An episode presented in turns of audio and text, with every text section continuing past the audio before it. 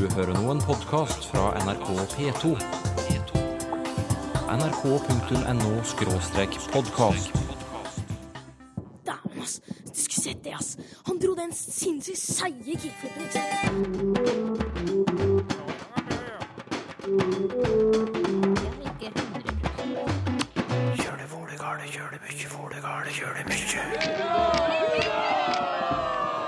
Mange barn holder tale i dag.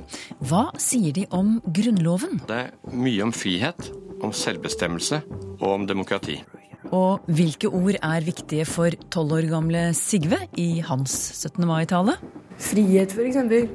Og så hurra òg, fordi det var Vi hadde jo ikke lov til å rope høyt hurra og feire, liksom.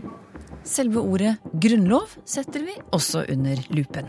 Så ei lov er egentlig noe som er lagt på plass. Nasjonaldagen er en dag for taler. I Norge holder også barn og unge 17. mai-taler. Slik har det vært siden 70-tallet. Over hele landet har elever forberedt taler som de framfører under skolegårdsseremonier eller i andre sammenhenger på denne grunnlovsdagen. Men hva sier de om nettopp Grunnloven? Hvordan formidler de innholdet i den?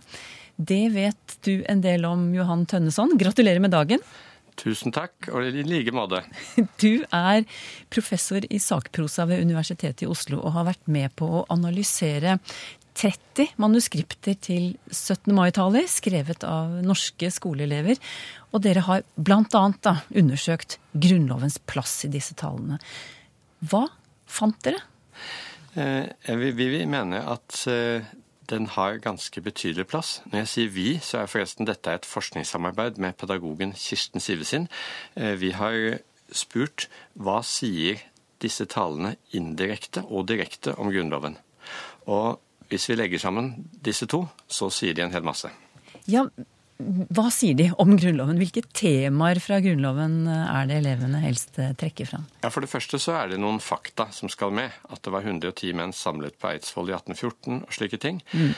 Men det er ikke mye nyansering når det gjelder fakta. F.eks. at det kom en lett modifisert grunnlov i november eh, samme år eh, som resultat av at vi gikk inn i union med Sverige. Eh, men så står det en del om innhold, og da er det veldig snakke en del om innhold. Og det er mye om frihet om selvbestemmelse og om demokrati. Men så kommer dette som jeg kalte litt indirekte, og det er at de elevene tar opp en god del andre temaer som kan sies å være på en måte aktualiseringer av Grunnloven. Måte å gjøre det aktuelt på på selve grunnlovsdagen, altså i dag. Jaha, hva ligger i det egentlig? Jo, hvis de f.eks. Eh, tar opp temaet om eh, fred, at vi skal være glad for at vi har fred her i landet, mm. eh, så er det jo en henvisning tilbake til eh, tankene om at Grunnloven sikrer, sikre fred, er med å sikre fred. Og hvis vi sier noe allment om at vi skal være glad for den friheten vi har, den hadde vi ikke under annen verdenskrig, under okkupasjonen og sånt, så henviser det også til, til eh, det samme. Eh, altså til uavhengighet og frihet. Så, og sånn er det en mengde av de eh, temaene som tas opp, som, som, eh, som, handler om det. Vi mener at til og med når de sier noe om at eh, si, gratulerer med dagen, ja. hva er det man gratulerer med, så er det jo grunnlovsdagen. Så kan du si det er jo å trekke det langt, men, men vi mener at rammen faktisk er grunnlovsdagen og, det, og Grunnloven, og det syns vi er interessant. Ja. Du, i denne rapporten så opererer dere med et ord jeg aldri hadde hørt før, men som dere bruker ganske mye akkurat når dere snakker om dette her topoi?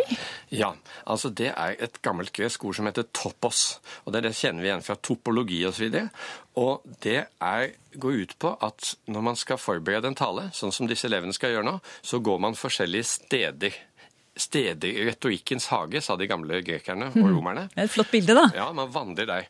Og du som arbeider i Språkteigen, teig er jo akkurat samme tenkemåte. Altså at det fins en teig som dreier seg om språket. Og den teigen er vi på i dag i denne samtalen. Og så går vi litt utenom også. Mm.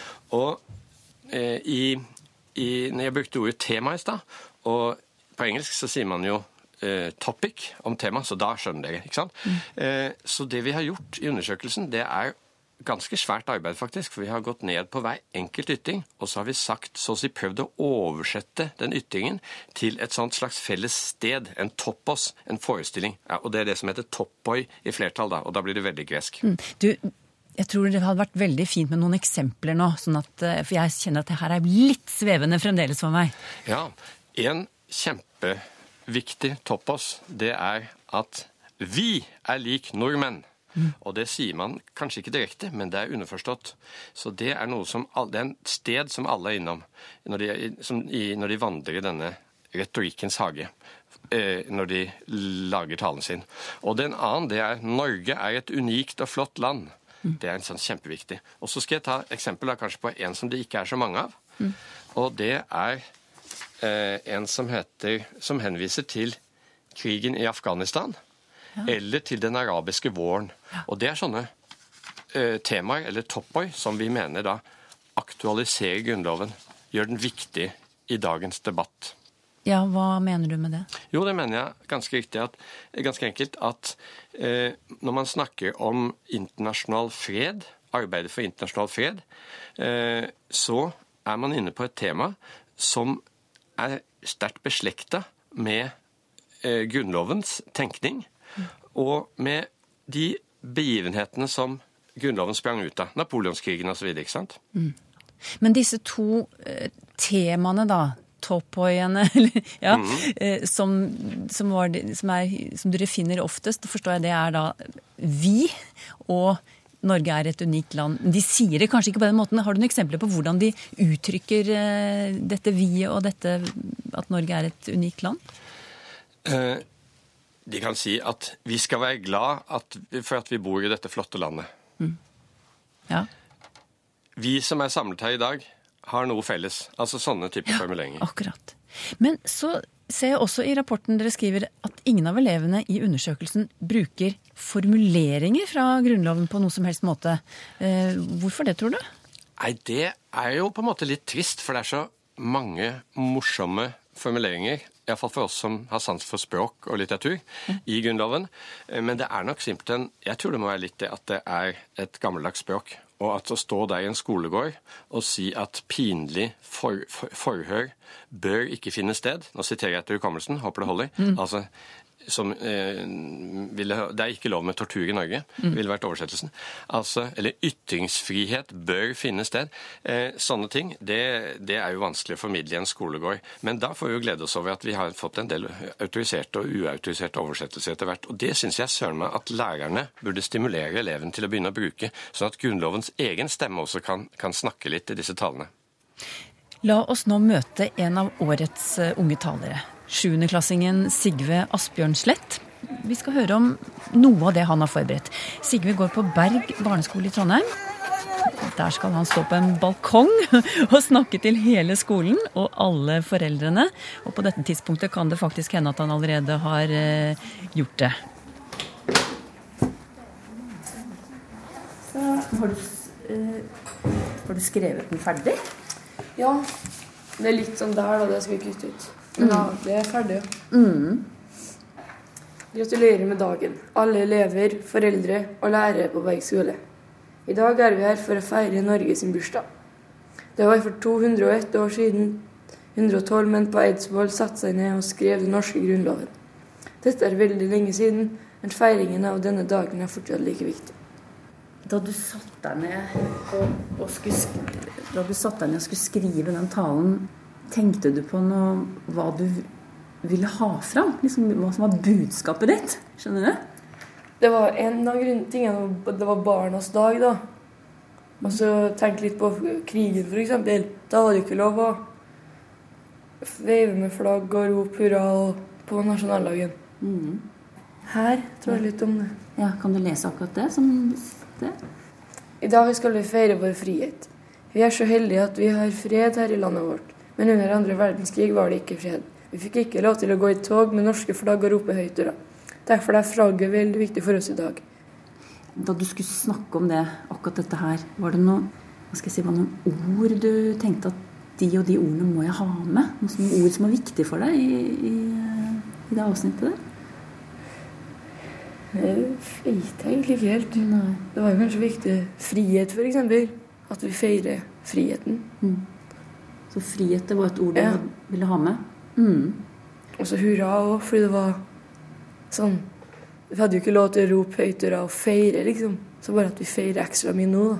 Siden det var jo 70 år siden. Siden vi Ja. ble fri. Mm. Ja. Og ellers, da? Du har jo litt mer her. Hva er poenget ditt i det siste avsnittet her? Hva er det du vil ha fram der? Det er jo hva vi skal gjøre, og ha det litt Hvor koselig vi skal ha det. Sånn, I dag skal vi spise masse is og kose oss med venner og familie og sånn. Mm. Feire er barnas dag. Du har et poeng i første, første linje her. Hva handler det om? Å være sammen med de du er glad i, er viktig på både 17. mai og andre dager. At vi, siden det var jo lenge siden krigen, at vi tar vare på oss. Vi tar vare på hverandre. Hva ligger i det å ta vare på hverandre? Hva, hva mener du når du sier det? At vi passer på hverandre, har det morsomt sammen. Er med andre folk og har det hyggelig. Du har snakket om frihet.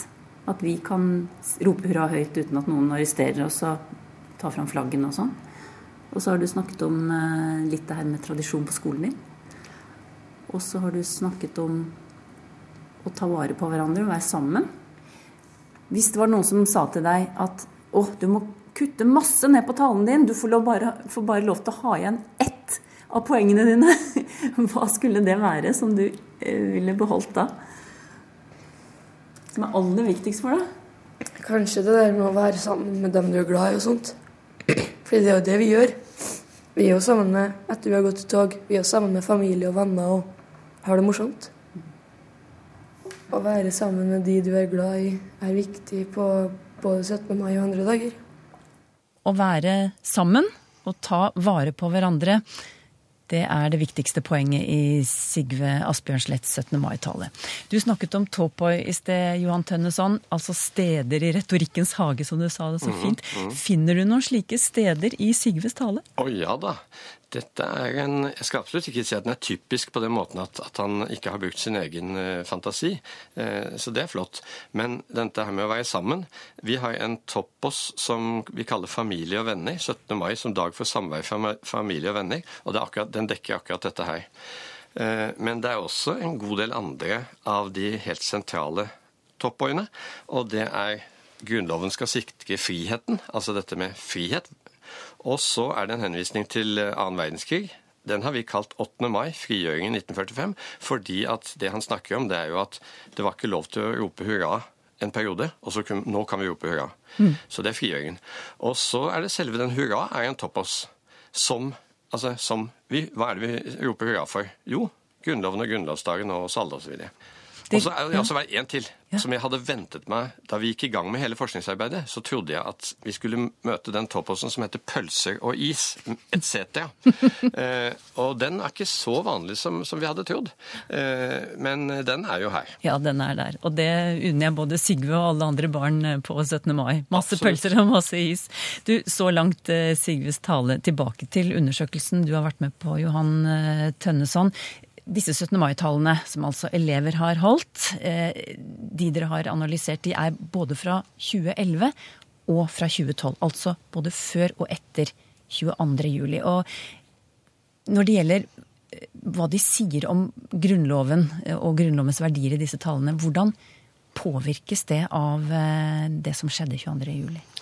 Ja, altså Det vi har sett, det tyder på at det ikke var helt sånn som vi hadde trodd. For vi trodde at det ville blitt mer vekt på dette med vi, og at Norge er et eh, flott land å bo i osv. Eh, men det, det som er helt tydelig, er at det er enda mer vekt på selve grunnlovsdagen. Verdien av grunnlovsdagen og det samlende med den. Og der går det vel kanskje en direkte tråd fra rosetogene året før. Ja. Hva, hva tenkte du da, du da du oppdaget dette?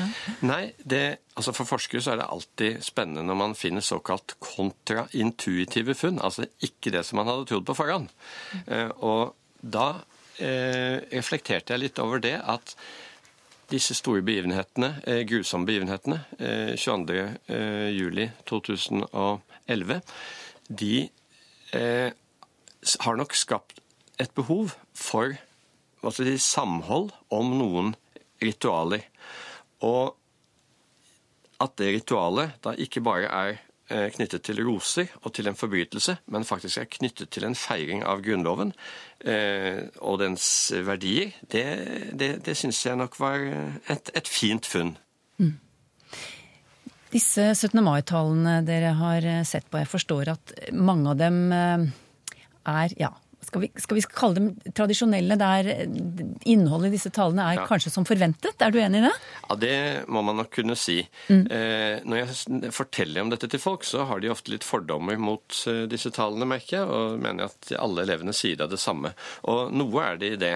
Eh, og, men det er på en måte ikke noe galt med det heller. At man har et sånt felles budskap som blir uttrykt på litt forskjellig måte av disse elevene. Så det syns jeg på en måte er helt fint. Det er noen tilfeller, eh, det er vel kanskje bare ett, hvor en tale er nøyaktig kopi av en anbefalt tale på en nettside. Eh, Men jeg har ikke hørt om at den ikke fungerte. Men likevel, da, så prøvde vi å se om det var noen som hadde noe som liksom virkelig skilte seg ut, og pekte utover de vanlige, det som vi ofte kaller klisjeer, men som jeg ikke har lyst til å kalle klisjeer her. Dere fant én. En, en av disse talene skiller seg ut. Og på hvilken måte er den annerledes? Jo, det er altså en 17. mai-tale som ble holdt av haugesunderne Alice Botnen Akselsen, som er 15 år, og Lene Haugsgjerd, som er 16 år, i 2011.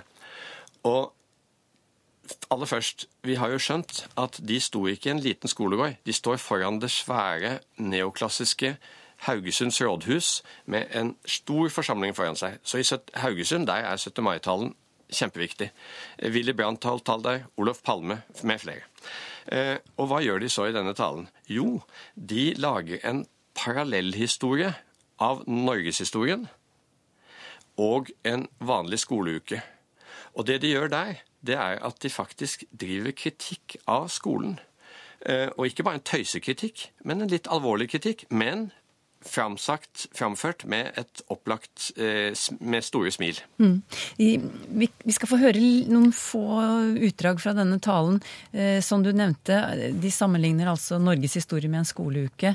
Og de sier bl.a. at mandag er en lang og tung dag på skolen. Like tung som de hundreårene vi lå under Danmark. Men så kommer tirsdag, og da er alt lettere. Dagen er ikke like lang, lærerne ikke like strenge, og du tenker at dette skal du tross alt klare. Tirsdag kan på alle måter sammenlignes med 1814. På tirsdagen i norgeshistorien ble vi et fritt land. Hele Norge ble fylt med et nytt mot. Onsdagen kommer derimot altfor fort. Det første som skjer når du kommer inn i klasserommet, er at lærerne sier at nå skal dere ha enda en framføring. Og slik fortsetter talerne å veksle mellom skoledagene og hendelser i norgeshistorien. På fredagen er skoleuken slutt, og andre verdenskrig er slutt. Hva syns du om denne talen, Johan Tønneson?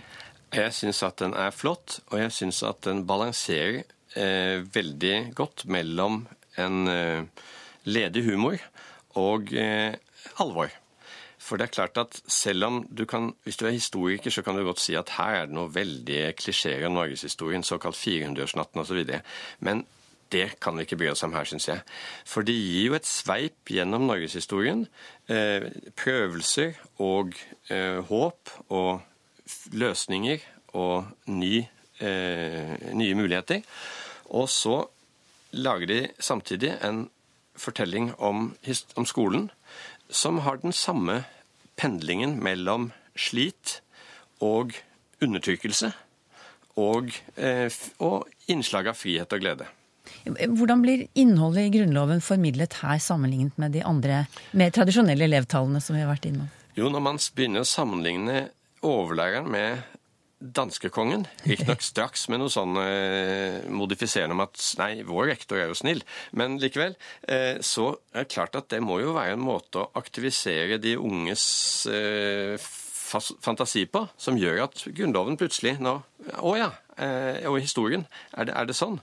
Og når man eh, sammenligner friheten, da, som du nevnte, i eh, 1945 med slutten på en skoleuke, Ja, Kan du tenke deg noe bedre måte å faktisk få eh, fram gjenkjennelsen eh, på, enn den gleden som elever føler når det er blitt helg? Mm. Du, du, nevnte i sted, du, jeg tolket deg slik at du syntes det var fint at denne talen var litt kritisk. Hvorfor er det bra at den 17. mai-talen er kritisk? Er det dagen for kritikk, liksom? Ja, der, skjønner du. Eh, dette er noe jeg håper kan komme litt ut av dette som vi har publisert i dette forskningsprosjektet. og Det er jo mange lærere som har interessert seg for det. Og, eh, og det er at hvorfor ikke bruke disse talene også som en mulighet for å drive litt samfunnskritikk? Altså ikke en hard og upassende kritikk. Det er sentralt innenfor retorikken at det skal være passende, eh, det man, det man ytrer. Men det de gjør, er å bruke Grunnlovens frihet til å kritisere. Og det er nettopp en måte å si, forstå Grunnloven på som er mye bedre enn å bare betrakte den som en hellig gjenstand som vi skal adlyde. For Grunnloven den sier både dere har noen plikter, men dere har også noen rettigheter. Dere har også frihet. Og det at elevene viser vilje til å bruke den friheten, det syns jeg peker fremover sa Johan Tønneson, professor i sakprosa ved Universitetet i Oslo. Studien av barn og unges 17. mai-taler inngår i et internasjonalt prosjekt om Grunnloven.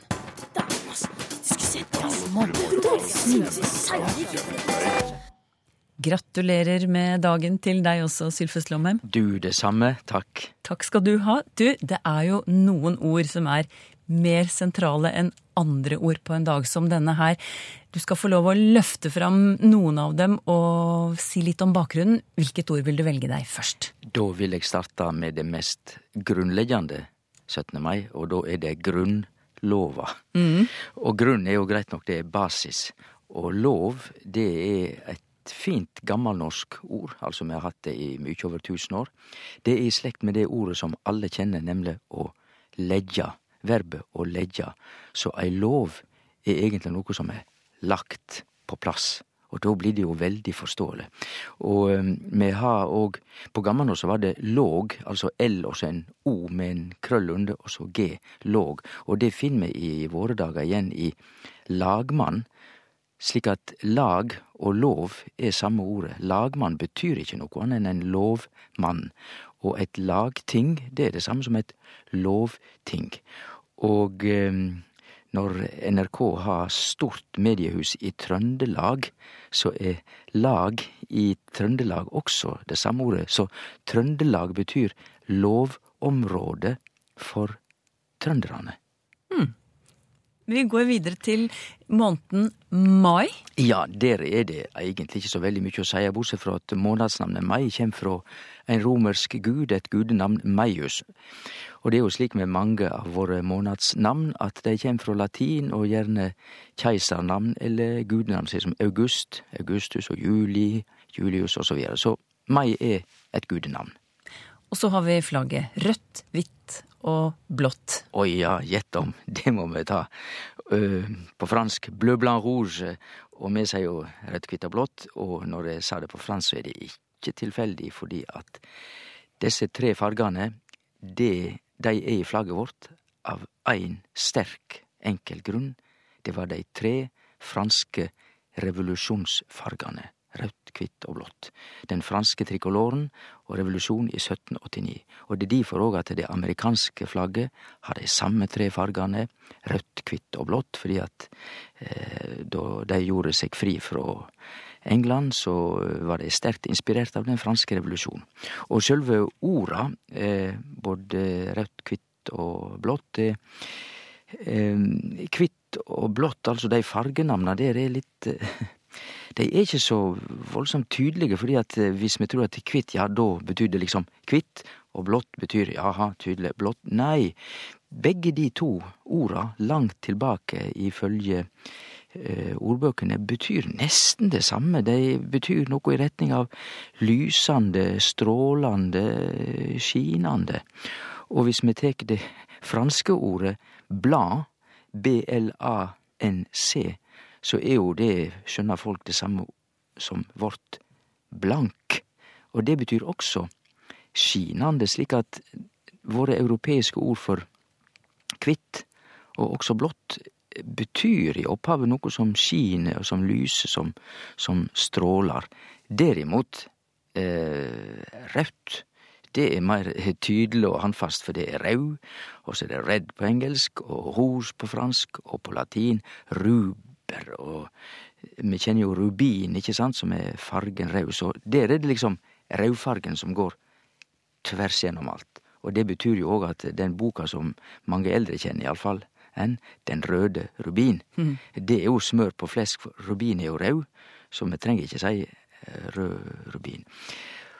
Og når vi er inne på fransk og revolusjon der, det, det er artig at både blått og hvitt har egentlig fransk lånt fra germansk språk, altså.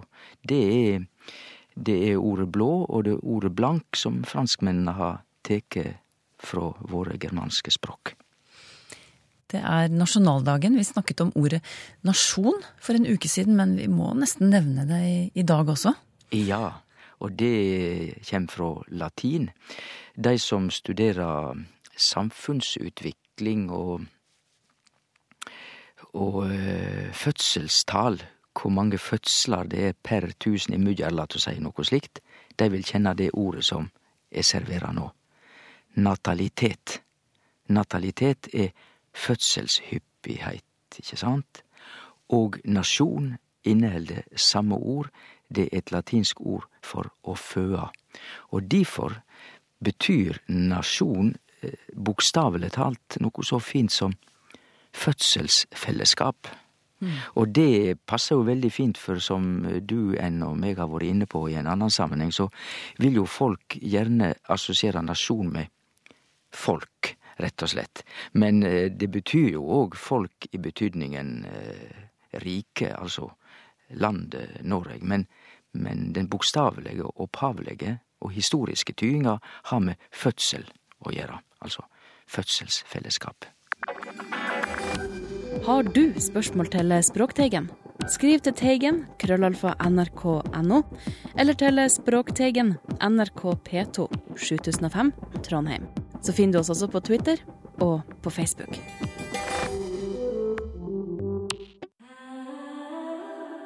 nrk.no podkast.